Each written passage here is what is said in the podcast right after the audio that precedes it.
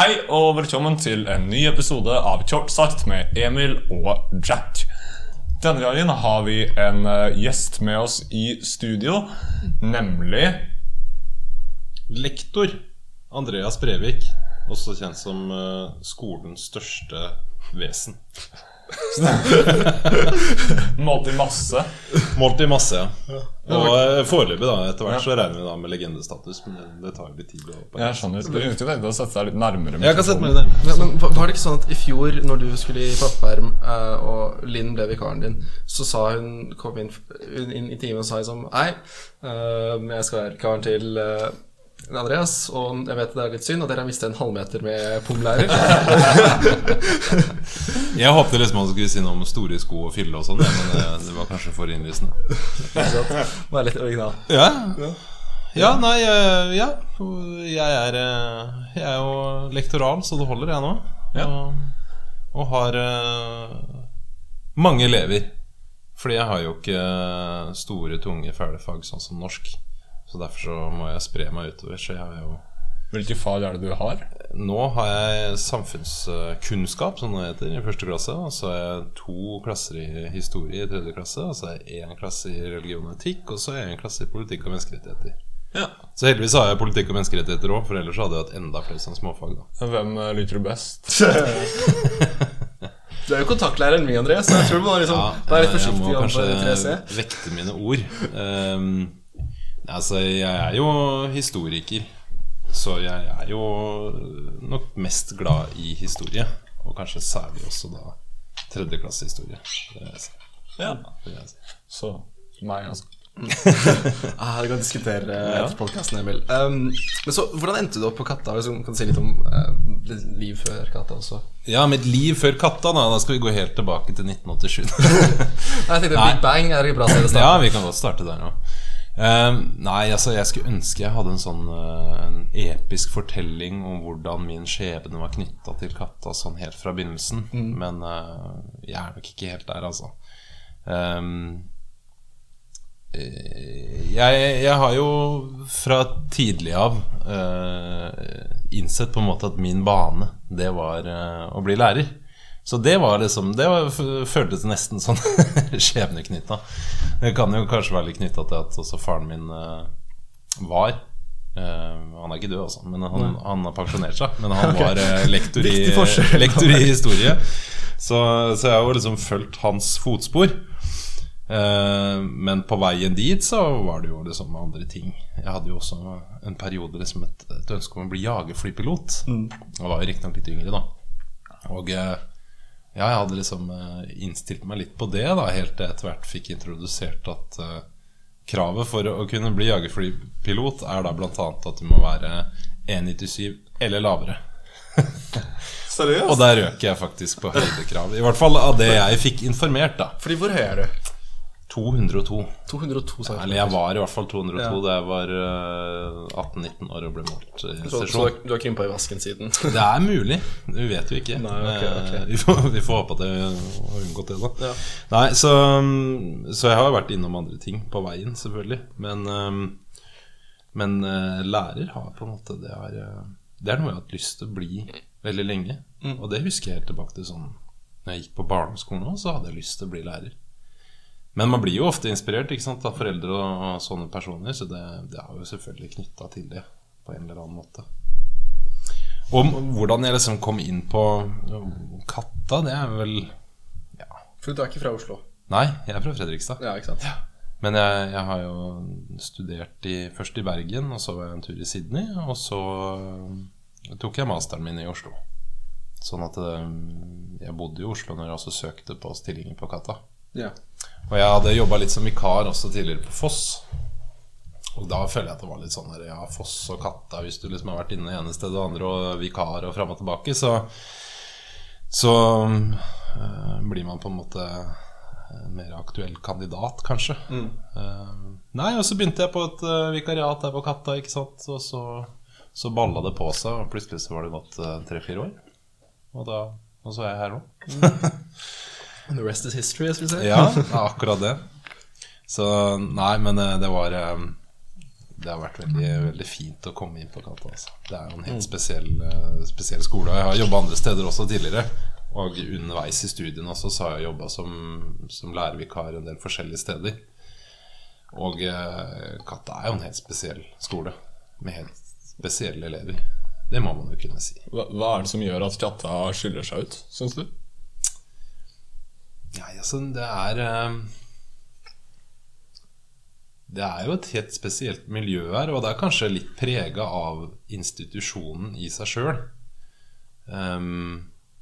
jeg tror at um, tradisjon og ja, liksom alt fra kultur og arkitektur og alle sånne ting Hele den, den totaliteten bidrar til å påvirke folk. Jeg husker godt jeg gikk på universitetet i Sydney.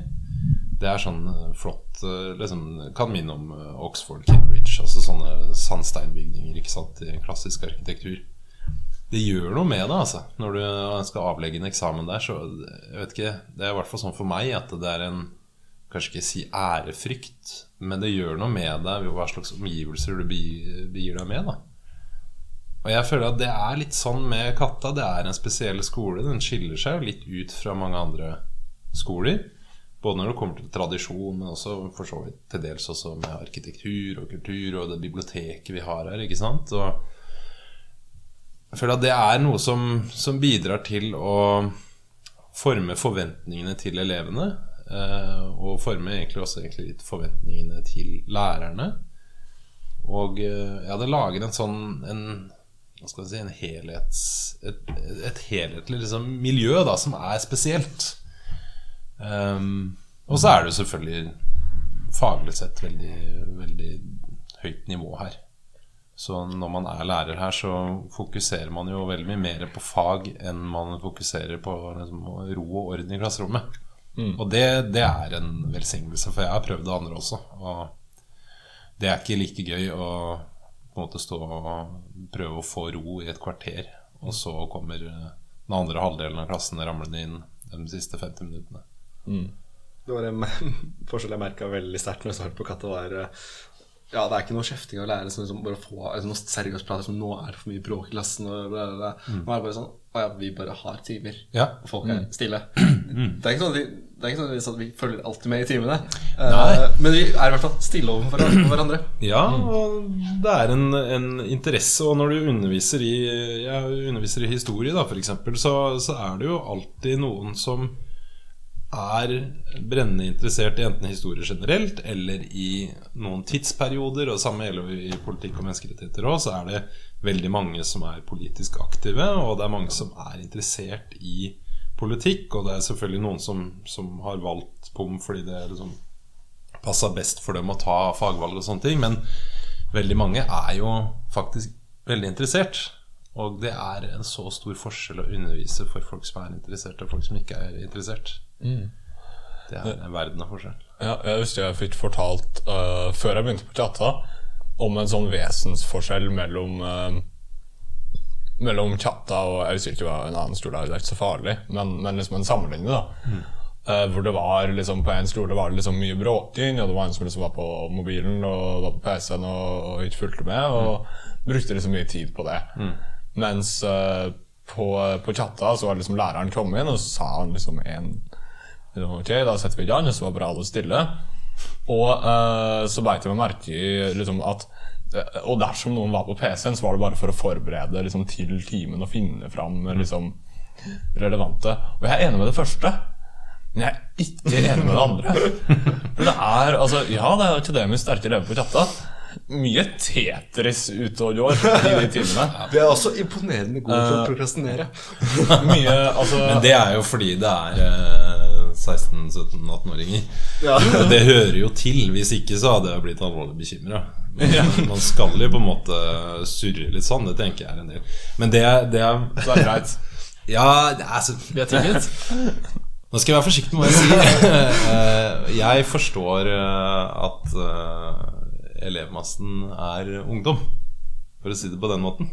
Eh, men man må jo måte oppføre seg respektfullt og, og, gjøre så godt man kan. Men jeg forstår jo at når man har hatt eh, fem forskjellige fag i løpet av dag med ja, Nå er det kanskje ikke fem, da, men si fire forskjellige fag. da I løpet av en dag så er man jo ganske grilla i huet når det kommer til den siste timen. Jeg forstår jo det også.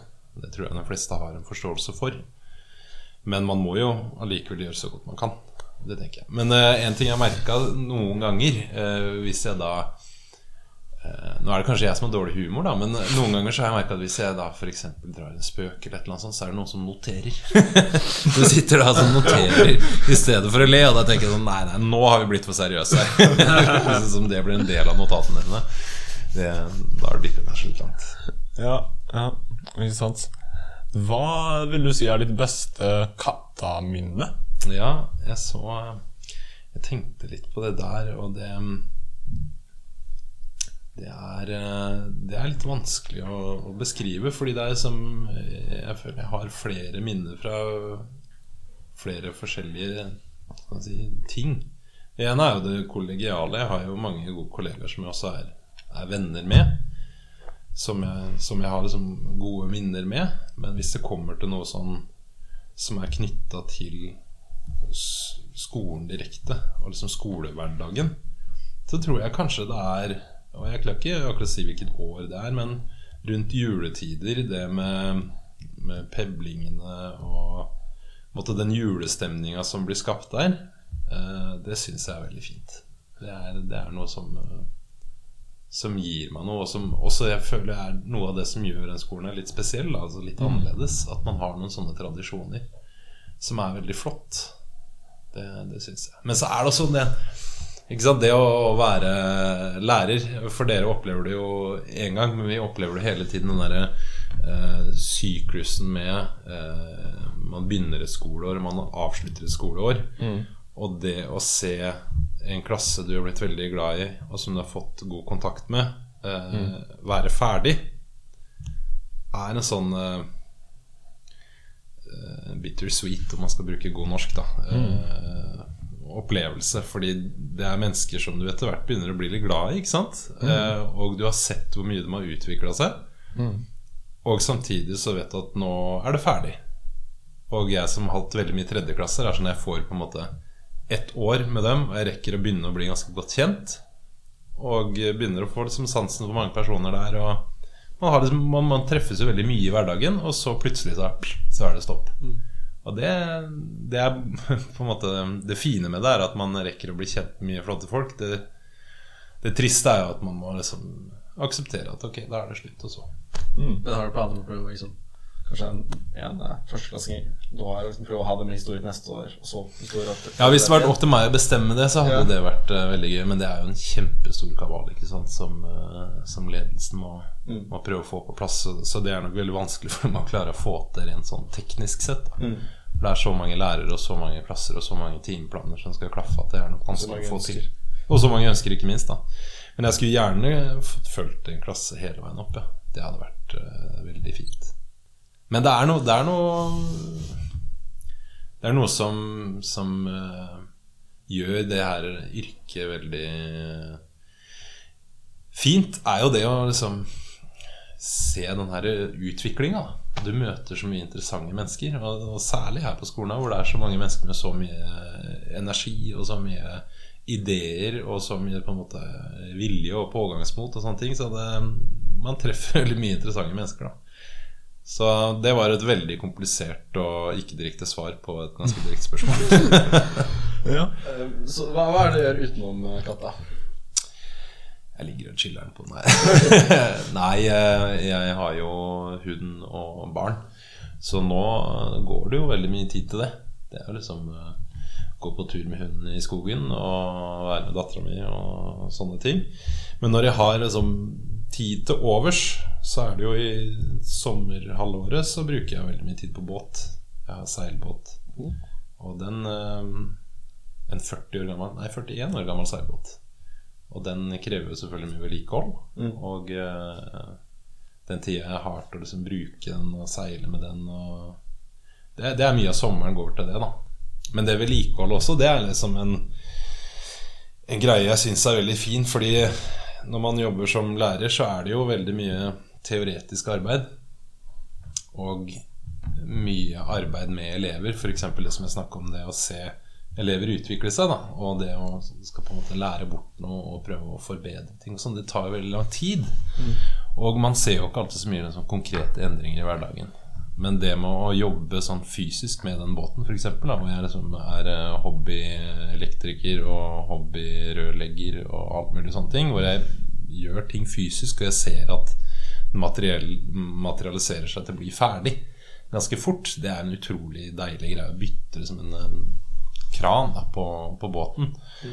Som jeg bruker fire timer på å gjøre, så ser jeg at oi, det ble ferdig. Å, jeg fikk det til. Det er sånn deilig, veldig konkret, som skiller seg litt fra det mer sånn uh, uangripelige i arbeidshverdagen. da. For det, det, så sånn er 40 år Flere jeg så er det arvet av far, eller har du kjøpt den gammel, eller hva? hva? Nei, nei, jeg har kjøpt den, uh, kjøpt den sjøl, ja. Ja. Så den, uh, den var jo grei i stand, men det er alltid mye å gjøre. Og Mm. Jeg vet ikke om dere har noe forhold til båter, men alt går jo i stykker når det er i Vi, nærheten vi, av båt. en, vi har en litt sånn morsom båtanekdote. Har dere det? Ja, mellom Ja. Det er ve ja, Det veldig må, sært. du- det må du fortelle. jeg, uh, jeg og Jack vi har til felles det at vi begge er med i partier ytterst på venstresida. eh, SV og Rødt. Og vi begge bor på vestkanten. Uh, så vi er inne i en slags sånn konkurranse om å være mest eller minst champagnesosialist. Uh, det er et sånn, litt sånn running gag mellom oss to. da Ja. Og eh, familien min har uh, seilbåt. Ja. Og det, det er jo sånn ett poeng nærmere champagnesosialist for min del. Ja. En lite dollartegn i boka eller et eller eh, for min del. da Uh, Og så innser vi at det er for mye styr, og uh, faren min har nettopp fått uh, Fått eh, min halvsøster. eh, hun er liten, og det er mye å gjøre med det, så det blir liksom ikke så mye båt. da Vi selger den, og så viser det seg at de vi selger den til, det er familien til Jack. Ja, faktisk. Og det, det var veldig gøy, fordi jeg, jeg, jeg var ute med faren min i Bærum og så skal overføre den og gå på plassen. Faren sin papirer, og, og så um, for jeg uttaler navnet Belgia helt feil, og jeg, det, det ringte ikke noen bjeller når jeg hørte det første gangen. Og så møter jeg karen, og så har jeg på en sånn islender.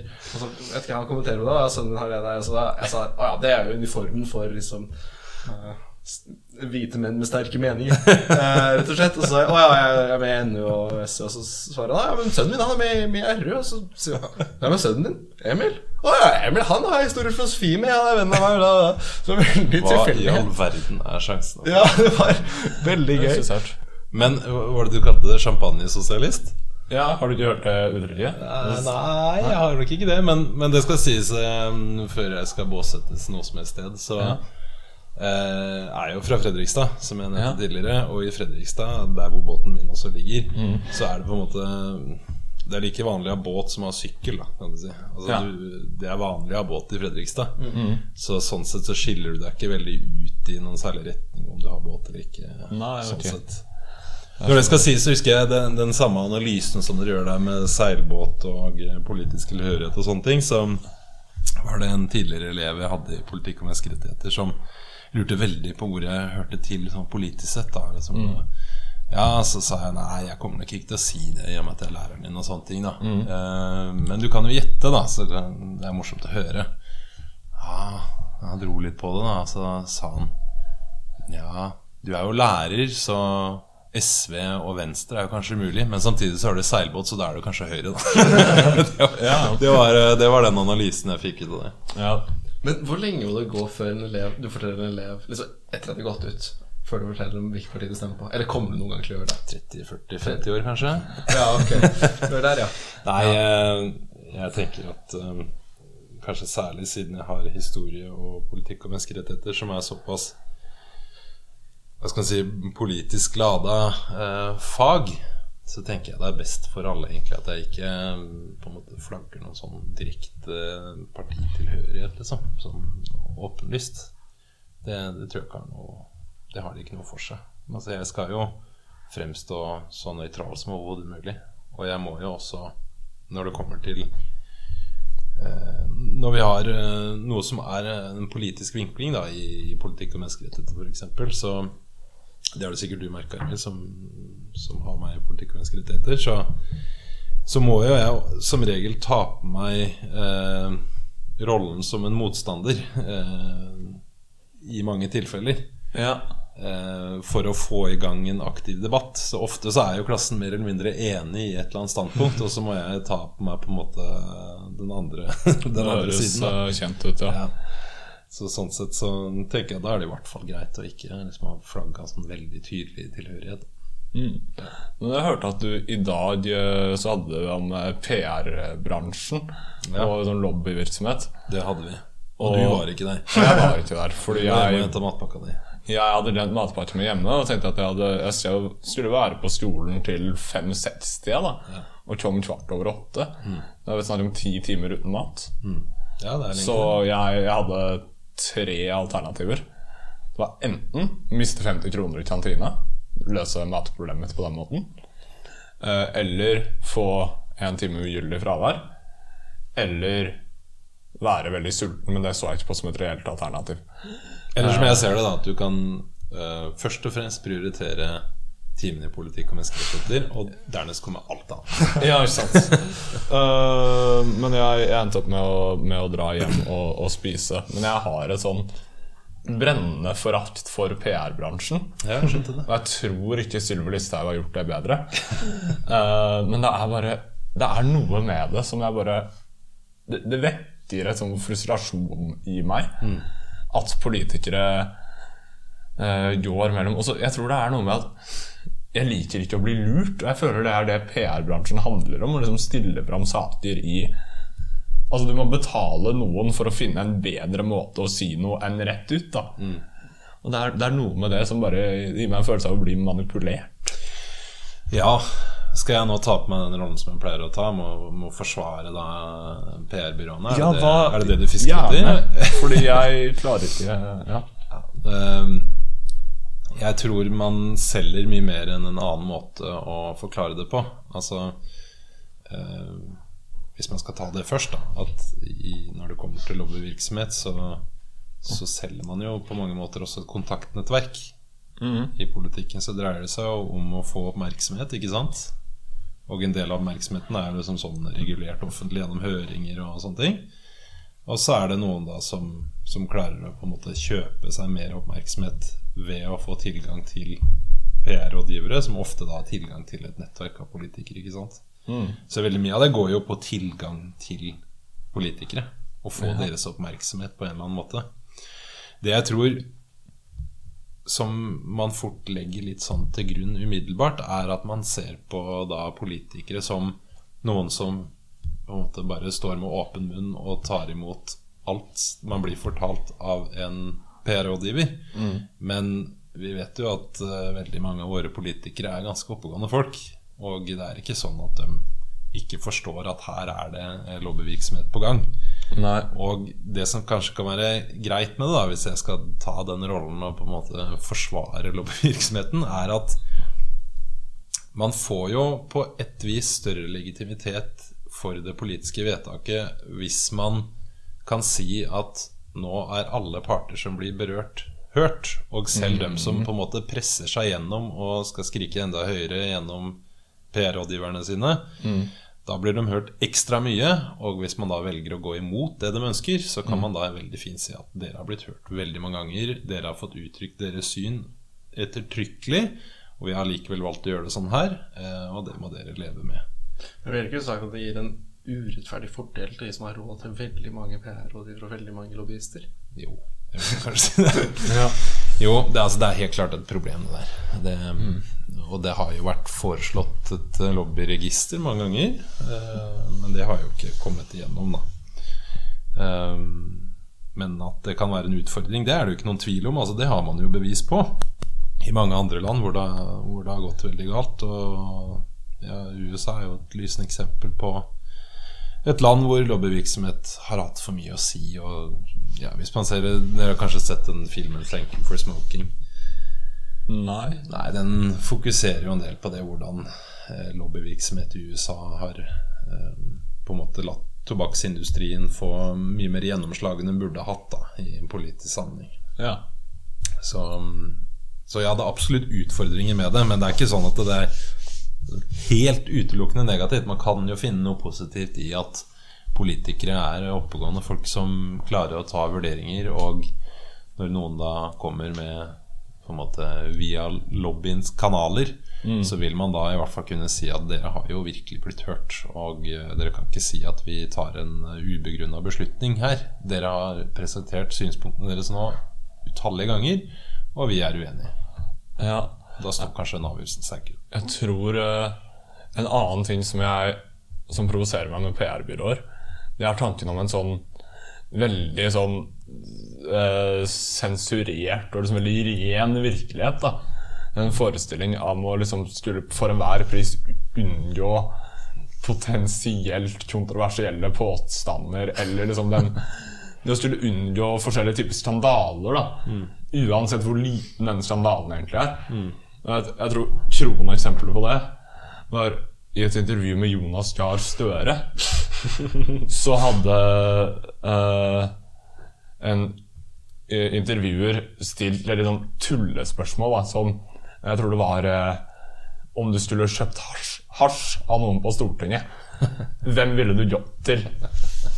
Og så hadde det kommet en eller annen PR-rådgiver og sagt sånn Nei, du trenger ikke svare på det. det ikke, ikke svar på det, liksom. Eh, men Jonas Jahr Støre bare kjører på og sier 'Jan Bøhler'. Er det fordi han er fra Groruddalen? Jeg vet ikke, men jeg bare syns det var et sånn Det at PR-rådgiveren prøvde å frata oss det nydelige svaret, da. Det, da, da. Da får vi en sånn kjedeligere virkelighet fordi man er redd for en eller annen eh, å, Foreldre reagerer på at Jonas Jahr Støre oppfordrer til hasjrøyking, og jeg hadde en sønn som slet Og så bare blir det en sånn At man er redd for et sånn medieball som begynner å rulle, da, og derfor sier man ingenting som ikke er Men det politiske ordskiftet er jo prega av eh, til en viss grad i hvert fall det at man skal liksom holde seg på en veldig sånn smal linje der, da. Og eh, ja, det er ganske lite rom for å, å hva skal man si, prate mer fritt.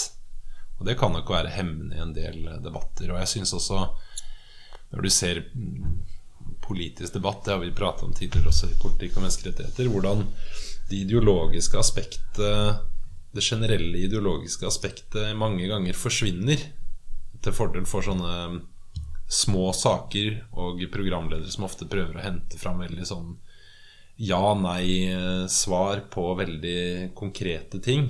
Og så forsvinner på en måte den ideologiske debatten oppi det hele. Da. Det syns jeg er litt, eh, litt trist at ofte blir sånn. Men bare ting, Jeg trodde ikke du skulle nevne det intervjuet Jonas Støre. Jeg trodde du skulle nevne den med at han, Det var det intervjuet han uh, Han ble spurt når han var utenriksminister Ja, har du snakket med Hamas? Og så sier han nei. Og så sier intervjueren Men vi har fått hørt fra folk i Hamas Du har snakket med, med oss. Og så svarer han Kan vi ta det intervjuet igjen? og så skal du skru av kameraet og ta det igjen. Apropos Jonas Gahr Støre, han skal komme på podkasten i februar. Um, om ikke det er noe som står i veien for det, så får vi i hvert fall fem minutter med han. så det er bare å si ifra til oss om dere har noen spørsmål dere har lyst til at vi skal grille han på. Men da, da burde du jo kanskje råde han til å heller bruke taktikken til Erna Solberg, som heller sa at telefonlinja bryter opp, jeg hører deg ikke. det var, Seriøst? ja, det var en ganske bra, bra triks. det går inn i en tunnel. Ja, det er, eh, den er fin. Skal vi gå til eh, nyhetssaker vi har nøla over? Uh, Andreas, har du den eh? En, en nyhetssak jeg nøla over? Ja, jeg, Nei, jeg er ikke nøla over. Jeg har ikke hatt så mye kapasitet til å nø- nøle over så veldig mye i det siste. Men uh, jeg gikk uh, på læreverkstedet i stad, så gikk jeg forbi en bokaviser, og da var forsida på den ene at det er en stakkars dame som altså har solgt hunden sin for å ha råd til å betale strømregningene. Og da tenker jeg nå, Da er det harde tider, altså, når du selger bikkja di for å ha råd til å betale for strøm. Da, da skal det ikke være mye igjen på det bildet der, for å si det sånn. I hvert fall i mitt syn. Hunden er noe av det siste du selger. Så ja, vi får satse på at hun har vært en runde innom Finn med ja, møbler først, håper jeg. Men eh, det er kanskje ikke tilfellet. Nei. Jeg tror ikke så glad i hund. Det kan, det kan jo hende. Ja. At det var en sånn hendig måte å, Ja. å få løst det problemet på.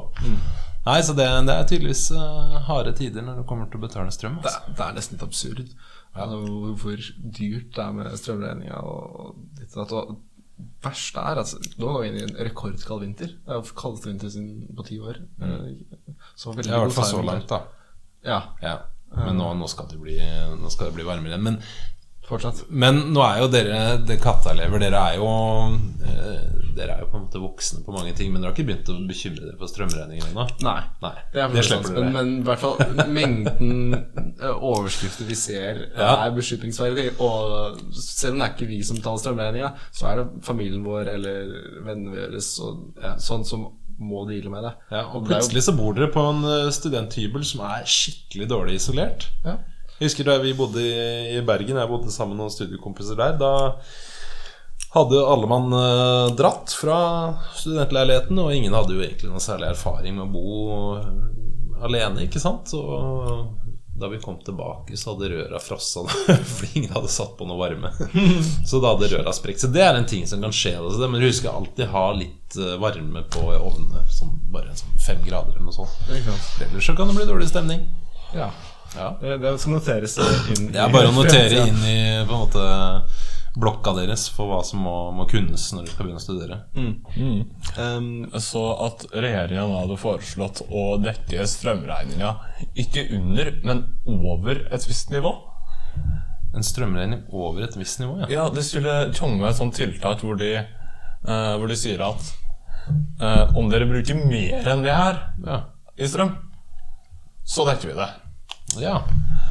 Ja, støtteordninger og skatte og avgifter og sånne ting, det tror jeg er ganske vanskelig å styre, for å si det sånn. Det var jo, jeg husker For noen år siden så kom det jo også sånn støtte for elsykler og sånne ting. Ja.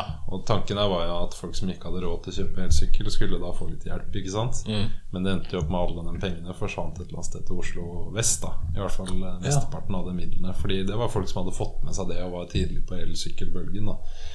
Så det, det å klare å å treffe godt med avgifter og med støtteordninger og sånne ting, det tror jeg er Ja. ekstremt vanskelig. Se det da som avgifter på, på biler.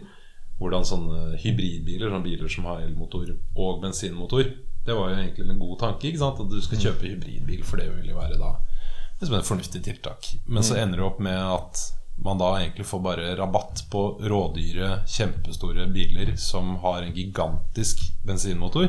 Så har du et bitte litt sånn Duracell-batteri i, eh, i bagasjerommet som driver en knøttliten elmotor, og så ender man jo faktisk opp med å forurense mer enn det ville gjort. Men nå er den blitt skjerpa, da, den, eh, den loven. Men eh, det er nok veldig vrient å lage sånne lover. Altså. Jeg tror det, det får mye sånn utslag man ikke har sett for seg. Ja, det tror jeg også. Jeg må også si at jeg skjønner uh, den frustrasjonen med at Fordi nå er det jo sånn du får en støtte eh, eller en viss uh, subsidiering fra staten om du har elbil. Og den er litt sånn betingelsesløs. Ja, foreløpig så er det ja. Og det syns jeg også er litt sånn Skal staten virkelig hjelpe de stakkars folka som kjøper seg en Tesla SUV? Er det der stoen trykker, liksom? Eh, jeg syns det er rart å Jeg ja. forstår det at altså, liksom, Det må jo dekkes inn til en viss mengde. Det er ikke noe poeng i å altså, Det er god utvalg av elbiler. da Det er ikke noe poeng i å liksom, subsidiere alle de liksom, svære dyrene som er på vestkanten, som eh, irriterer meg når jeg skal på skolen. Men, uh, så det er heller bare å holde det til liksom, vanlige biler. Vanlige folk, som Arbeiderpartiet liker å si. Skal jeg ta den rollen som jeg pleier å gjøre, da? Og argumentere? Kjør på! Ja, men, men, men altså Norge leder jo i verden når det kommer til andel elbiler. ikke sant? Og vi har jo et enormt salg. Vi er vel oppe i 70% av nybiler som blir solgt, er elbiler. Og eh, jeg vet ikke hvor stor andel av bilparken som totalt sett er elbiler nå, da, men det begynner å bli veldig mye. Og eh, mange av de bilene som, som har blitt kjøpt, har jo vært dyre innkjøpt innkjøp da de var nye. ikke sant? Eh, En del Teslaer som ja, koster over en million. ikke sant? Eh, Men de har jo nå også begynt å bli noen år gamle og begynner å bli ganske attraktive bruktbiler. Så bruktbilmarkedet er jo fylt med ganske gode elbiler med god rekkevidde til en overkommelig pris. Til tross for at de var dyre da de var nye. Ehm, sånn at Hadde det her blitt en like stor suksess hvis man hadde hatt et, måte et uh, makstak på det tidligere, hadde det gjort at folk ikke hadde giddet å kjøpt dyre elbiler i utgangspunktet, og at ikke bruktmarkedet hadde vært fylt av gode, brukte elbiler? Det er vanskelig å si. Jeg sier ikke at det er riktig, jeg bare, bare slenger det ut som, som en tanke. da Ja, altså- Men i tillegg så må det sies at det, det er jo et forslag som nå har vært oppe, som, som sier at eh, man skal betale moms på den andelen som går over 600 000. Så du kan kjøpe elbil momsfritt inn til 600 000, men med en gang beløpet begynner å krype over 600 000, så må du betale moms på det. Men det har ikke, det har ikke blitt innført ennå, da. Det skulle vel i utgangspunktet bli innført i løpet av eh, nyåret, men det har ikke kommet på plass ennå. Jeg syns det høres fornuftig ut. Ja, det er mange som syns det. Uh, ja. Ja. Det vil vel fortsatt være billigere enn for, selv for de skik- skikkelig dyre bilene. Men den rabatten vil bare gjelde det under 600 000. Ja. Det får det være mer lukrativt. Det vil være en viss Ja, ja, ja, vil fortsatt, Rikingene vil fortsatt tjene litt på å kjøpe elbil istedenfor Ja. uh, bensin-Lamborghini. Ja. Ja, ja, absolutt. I tillegg til at en elbil mest sannsynlig går fortere enn bensin Lamborghini også. Det er, Gjør den? det er veldig viktig å påpeke for dere som er opptatt av det. Elbiler har jo sånn vanvittig akselerasjon. Det er sant. Det, det er helt sånn sprøtt. Sånn at det er som en eh, familiebil med syv seter går jo fortere nå enn det er liksom en bensin-Ferrari fra 90-tallet hit. Ja. Det er Ting går framover. Noen ganger veldig fort framover. Mm. For å gå litt videre Du er jo da utdannet i historie med både bachelor og mastergrad. Ja. Um, hvorfor akkurat historie? Hva var det som tenkte, Du visste du skulle være lærer, men hvorfor, hva var det med akkurat historie som tenkte som var kjempespennende? Åh, jeg har lyst til å være historielærer. Ja eh, Jeg må nok skylde på faren min der òg. Nei, jeg, jeg har alltid mm, prata mye historie med faren min. Eller han har prata mye historie til meg, kan vi si. Eh, og så etter hvert har jeg begynt å prate historie tilbake, på den måten. Men eh, altså, jeg kan, jeg, mitt hode så er det mer sånn Hvorfor skal man ikke være interessert i historie? Det er jo Noen ganger så har jeg klødd meg litt i huet over sånn Hvorfor lager man Hvorfor dikter man opp eventyr når så utrolige ting har skjedd? Eh, hvorfor kan man ikke heller liksom Altså Jeg forstår at det er behov for fantasi, og jeg har jo det sjøl, men det er så utrolig mye spennende som har skjedd, som i tillegg på en måte kan være nyttig for oss. Eh, og bidrar til å forklare hvem vi er, og hvorfor samfunnet vårt er som det er. Og man kan til og med på en måte ha en litt sånn krystallkule og se noen utviklingstrekk, og kanskje se hvordan ting kan bli framover og sånne ting. At jeg ser liksom på historier som dekker både den delen av på en måte fantasi og interesse og det som er spennende. Altså Det er jo uendelig mye populærkultur som er knytta til historie. Og også sånn eh, der hvor det er fiksjon, sånn som 'Ringenes herre', er jo også knytta i stor grad til historie, det også. Det er liksom et historisk epos, og det er knytta til liksom hva skal man si, historisk estetikk i hvert fall i stor grad. Altså det, det, det siver inn så mange steder. Altså Historie gir veldig mye, både sånn eh, rent underholdningsmessig, på en måte, for meg. Eh, men også at jeg da kan se at det som også er så spennende og gøy, kan også være nyttig. Det syns jeg er ganske fascinerende. Det er både spennende og nyttig. Det er kult. Ok, men jeg har en sånn Jeg har en teori om historie Jaha. eh, som jeg har lyst til å teste ut med deg. Ja, ja. Eh, Jeg må benytte denne anledningen fordi eh, jeg følte innimellom at sånn da jeg, da jeg begynte å bli engasjert i politikk, da det går egentlig både for historie og politikk, at de beslutningene som tas i politikken, de var liksom på et sånn så høyt intellektuelt plan at jeg bare hadde en sjanse liksom til å forstå. Og så ble jeg litt eldre, og så, og så på en måte så jeg liksom Fulgte litt politiske prosesser i saker jeg var opptatt av, da, på nært hold. Og så innså jeg at det stemmer jo ikke. Altså, det er bare så mye rart som spiller inn. Bare sånn, altså Bybanesaken i Bergen er bare sånn Hva, hva er det som skjer, liksom? Og folk som bare Nå har de to prata sammen og skal ha det mot partiet, og så er det bare tull. Du har avslørt at voksne farer med såkalt bullshit. Er det det, Ja. er det, det du sier? Og og jeg føler litt at det samme At desto mer du lærer om historie, desto mer lærer du litt at de tingene som påvirket historiene, altså virkelig de store samtalene og Det var bare så mye tull og så lite Så, så useriøst. Altså De var jo dritings når de skrev Grunnloven, liksom. Uten nordlendingene. Du kan ha fest uten nordlendinger. Ja, jeg skjønner, jeg skjønner hva du mener, og det, jeg tror du har gjort en, en, en viktig oppdagelse. Og jeg må vel si at jeg også har hatt litt av den samme oppdagelsen. Og det kan vi si at eh, historiefaget når du, når du jobber mye med historie, så blir man eh, Jeg skal si ikke kynisk, men du blir, du blir litt skeptisk. Um, og man innså etter hvert også at i historien så er det ikke sånn at alt på en måte har noen logisk sammenheng og sånne ting. Man oppdager en del ved menneskets natur som også er liksom prega av tilfeldigheter, og ikke minst hvor mye følelser har å si. da Når det kommer til liksom stemningsskifter for eksempel, og sånne ting. Hva, hva som kan utløse en revolusjon, f.eks., kan være prega veldig mye av følelser, og ikke liksom rasjonelle beslutninger og ting som gir mening. Så jeg, jeg, jeg syns man kan lære ganske mye om eh, mennesket gjennom historie. Og det som du snakker om med at du liksom oppdager at det er veldig mange sånne rare beslutninger som blir tatt, så, så dreier det seg jo om noe menneskelig. At vi er jo ikke som kalkulerende kalde roboter som alltid gjør en perfekt beslutning basert på den perfekte kunnskapen. Det er, det er mye som blir til i nuet. Og eh, ja, eh, vi skal ikke gå altfor mye i sånn detaljhistorisk hendelse og sånn, men hvis vi ser eh, første verdenskrig, f.eks., så er jo det en konflikt som på en måte man kan si er uunngåelig, men på en annen måte, hvis du begynner å, liksom granske det, så er det sånn Det her var jo veldig unødvendig. Og veldig tilfeldig hvordan det starta.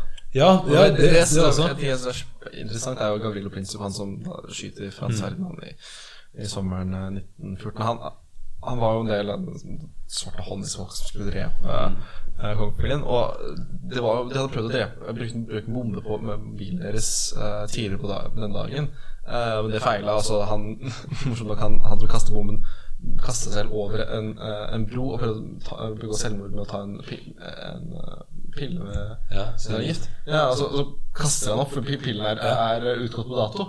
Og da syns jeg ja, ja, da er dagen ødelagt. Det funker, funker ikke. Så da går Gavrila Prinsipp uh, på kafé og setter seg ned og trøstviser, tror jeg. Eh, og, og så kjører faktisk Frans Ferdinand, fordi altså, sjåføren hans er ø, østerriksk, så de kjører ned feil gate. For det er ikke skjønt i Beograd. Uh, nei, det var Sarajevo. Det var Sarajevo. Um, kjører ned feil gate, så er det motorproblemer. Og det er akkurat den gata da som Prinsipp sitter og tar seg en kaffe eller spiser. Og akkurat der skyter han da eh, kronprinsparet og utløser eh, den mest dødelige krigen som han hadde sett opp til. Eller tror krigen i Kina var mer dårlig. Ja, men, men altså, det du, det du beskriver her, da Hadde, du, hadde ikke første verdenskrig skjedd, og du hadde sett det her um, Og du hadde sett det her i en film, så hadde du tenkt Nei, det der blir, det der blir urealistisk. Det her er noe tull. Det, det, kan, det, altså, det her gidder jeg ikke se på. Det her blir for dumt. Men ikke sant, sånne små tilfeldigheter kan, kan bidra til, til så mye. Og det er jo ikke sånn at, det, at første verdenskrig ikke hadde skjedd hvis han sjåføren hadde klart å sette bilen i revers. på en måte Altså Det er ikke nødvendigvis så konkret, men når man snakker om eh, hvor liksom ulogisk ting, ting kan være, men allikevel at det går gæren vei, kan jo også være som hvordan eh, de militære i Storbritannia og Tyskland og Frankrike har investert mye i militær teknologi, og man har brukt mye penger på opprustning og sånne ting, og at det er en slags sånn forventning om at vi bør gå til krig, vi må nesten gå til krig for å bruke det her og rettferdiggjøre det vi har brukt penger på, og det er også en sånn derre en håpløs tro på sin egen overlegenhet. At man har på en måte Man er fylt med sånn derre nasjonalistisk propaganda hvor man fremstiller de andre som evneveike og seg sjøl som overlegen. Og så ender man opp med at ok, nei, vi skal gå til krig mot dem og feie dem av kartet på en halvtime. Liksom. Og så er jo selvfølgelig ikke det tilfellet. Og hadde man da vært et kaldt og kalkulerende menneske, så hadde man jo fint klart å avsløre det her, ikke sant? Men eh, man er jo ikke det. Man er fylt av følelser, og den propagandaen har jo hatt en effekt. Og eh, ja, det blir jo sånn grusomme resultat av det. Jeg tror den store sånn historien kan defineres av tullinger, åpenbaringen min, det var da jeg prøvde å liksom sette meg litt inn i Irak-krigen. Og bare liksom Altså den med George eh, junior. George Bush junior. Ja. Uh, W. Herbert Walter Nei, Walter. George Walter. Ja, ikke sant? Uh, I 2003. Og bare innse at Å ja. Dette her er jo altså på mange måter folk som ikke er kompetente på det området. Altså, George Bush, dette er fakta, visste ikke at det fantes sunni- og sjiamuslimer før etter han hadde besluttet å eh, invadere Irak. Eh, og det, det er så mye sinnssykt. Og i denne beslutningen uh, Donald Rumsfeldt, som uh, døde for ikke så lenge siden, han brukte jo som et argument for å invadere Irak at There are so many good targets there. Det er, det er lett, det er beleilig å bombe, uh, i motsetning til Afghanistan, hvor det er mye fjell og det er grotter og det er liksom vanskelig landskap. Eh, Det er bare sånn Og ikke nok med det, men uh, underveis i det felttoget så klarer vel da George Bush å klemme ut av seg at eh, We're on a holy crusade, tror jeg han klarer å si på et eller annet tidspunkt. Eh, og da legger han ikke, eh, så vidt jeg forstår det, egentlig noe religiøst i det. Men uh, det blir jo selvfølgelig tolka på den måten, men at man bruker crusade som måte i overført betydningen at man har et mål med, med det man driver med. Og, men så blir det jo selvfølgelig tolka i en, i en religiøs kontekst med en gang. Da. Så han, han var kanskje ikke alltid så heldig med, med ordbruken. Han uttalte vel også Enten så er du med oss, eller så er du imot oss. Når han står på golfbanen. Og så sier han Now watch this drive. ja, Så da er det på en måte Da erklærer du at enten er verden med deg eller mot deg, og så kan du klaske golfballer, da. Ja, Det er synes, eh, endeløst mange gode anekdoter av George Bush. Jeg ikke vi en hel podkast med det. Ja, ja. men en annen er når han i, i sånn The Office får beskjed om liksom, dødstall i Irak, så en rådgiveren sier Well, we've lost uh, three Brazilians. Og så går han ut, og så spør han andre rådgiveren Tell me, how many zeros are there in a Brazilian? Ja. Min personlige favoritt er, er eh, I have a profound belief that human beings and fish can coexist peacefully. Det er, å, det er så nydelig. Hvor var det det kom fra? Det er noe George Bush sier i, uh, i Men- en sånn rally. Men visste dere at uh, George Bush er en ganske habil kunstner? Det visste jeg. Ja. ja. Ja. Og eh, så vidt jeg har fått med meg, så er også han og Michelle Obama kommer relativt godt overens. ja det, det er, Så ja, mennesker er, eh, er nok fort ganske sammensatte, og det er nok han også. han, er, han er interessant. Eh, jeg syns også Donald Rumsfeldt, for å komme tilbake til han Ja. Eh, han, han har sagt følgende Og dette her var i en sånn Altså dette var noe han hadde forberedt. Dette var i en tale eller, i en bok Eller var det som noe Det er ikke noe som glapp ut av han. Så sier følgende. As we know There are known knowns. There are things we know we know. We also know there are some things we do not know. But there are also unknown unknowns. The ones we don't know that we don't know. Det blir slitsomt. Det blir etter hvert den store sitatboken. den greia nå. Jeg bare At du ikke tar deg selv Du skriver det der, og at du ikke tar deg selv og bare sånn Hva er det egentlig jeg skal eh, Han kan vel skylde, han kan vel trygt skylde på PR og dine Ja, som alltid. Jeg tror de ja, men, skyld, Når du ikke vet Altså, PR-rådgiveren er skyldig til det motsatte er bevist. Ja. Det er sant. Det er, det er alltid de som først sparken når en politiker sier det. Veldig farlig jobb å ha, for å si det sånn. Ikke Sitter utrygt. Sitter utrygt. Skal vi runde av og gå til anbefalinger? ja, vi kan gjøre det. Ja.